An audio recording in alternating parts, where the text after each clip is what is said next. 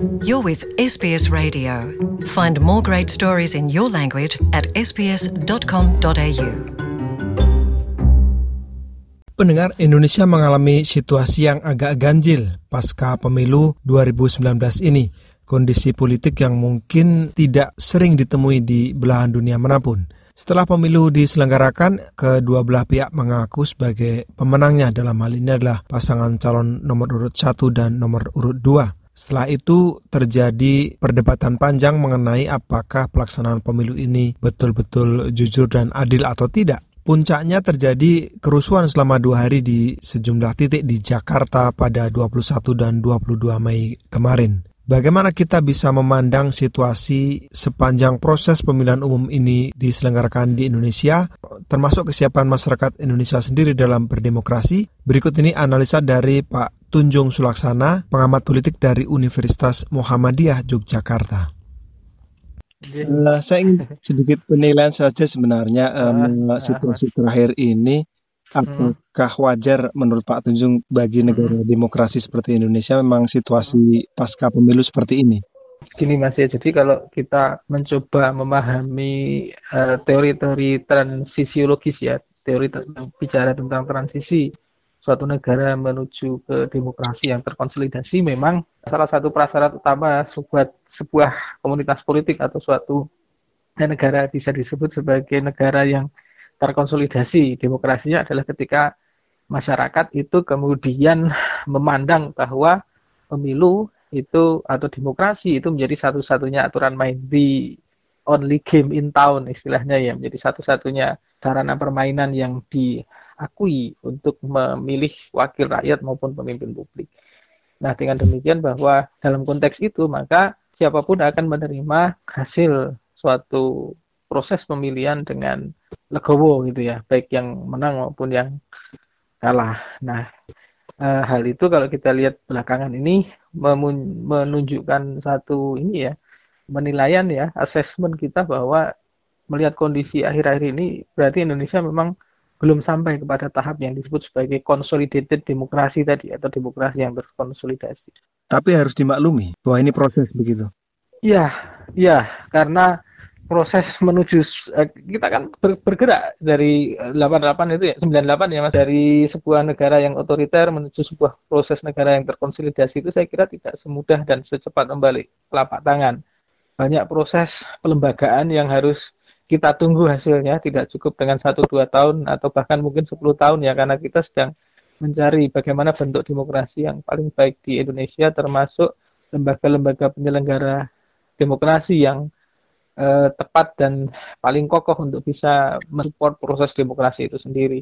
Dalam konteks itu maka agak kita sayangkan juga ketika belakangan muncul suara-suara untuk mencoba mendelegitimasi eh, lembaga penyelenggara pemilu di Indonesia yang termasuk KPU, Bawaslu, apalagi DKPP yang dianggap apa punya agenda-agenda yang terselubung untuk dalam pemilu kali ini. Saya pikir itu agak apa ya, a little bit too much gitu ya Mas ya.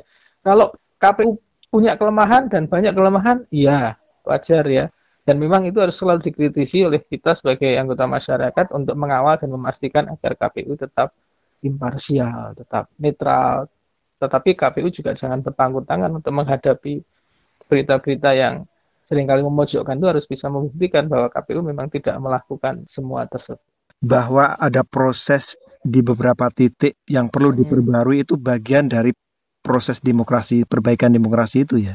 Betul, saya kira memang harus ke situ. Demokrasi itu tidak sekali jadi dengan apa ya Indonesia itu kan salah satu negara dengan sistem pemilu yang paling rumit di dunia yang apa yang luar biasa melelahkan sehingga memang untuk mencari untuk yang paling tepat dalam menjalankan roda demokrasi dengan sistem pemilu yang terbaik di Indonesia dengan model-model apa namanya pemungutan suara yang paling tepat itu memang perlu waktu Mas Nur. Dan KPU berada di apa ya titik yang saya saya kira sangat krusial untuk bisa menemukan bentuk yang ideal itu ada saran untuk masing-masing paslon menghadapi penentu ya.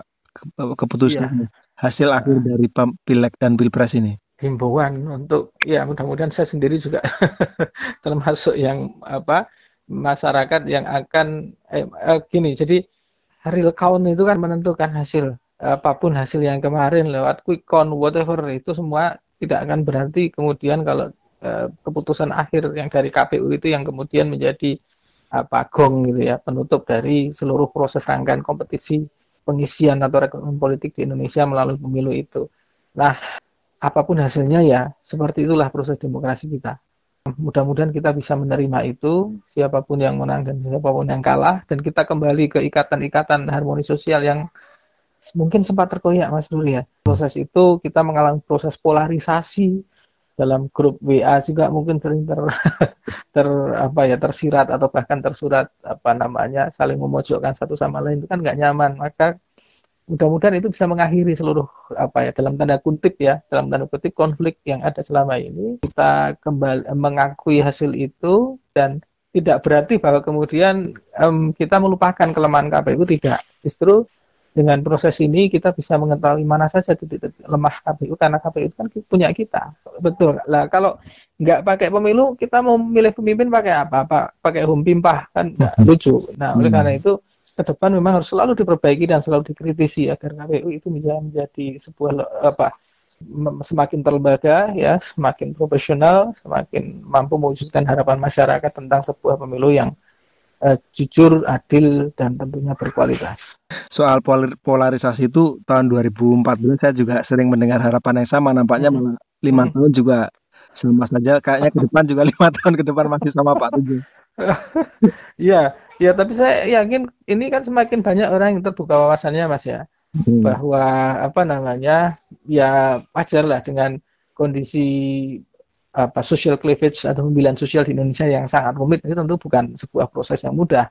Di Amerika pun butuh ratusan tahun untuk kemudian terpolarisasi menjadi dua itu ya. Tapi kemudian setelah ini selesai ya apa proses pemerintahan terus uh, berjalan seperti sedia kala. Nah, kita punya ini kok local wisdom saya kira ya untuk kemudian apa mengembalikan tadi apa ikatan-ikatan sosial yang ter, terkoyak tadi sempat terkoyak dalam beberapa saat belakangan ini mudah-mudahan kembali ke kondisi asal kita. Para pendengar Pak Tunjung Sulaksana, pengamat politik Universitas Muhammadiyah Yogyakarta, menguraikan analisanya tentang apa yang terjadi di Indonesia kondisi politik terakhir, dan bagaimana Indonesia seharusnya belajar menjadi sebuah negara demokrasi yang menerapkan sistem itu dengan benar. Terima kasih atas perhatiannya. Sampai jumpa kembali. Want to hear more stories like this? Subscribe to our regular podcasts on iTunes.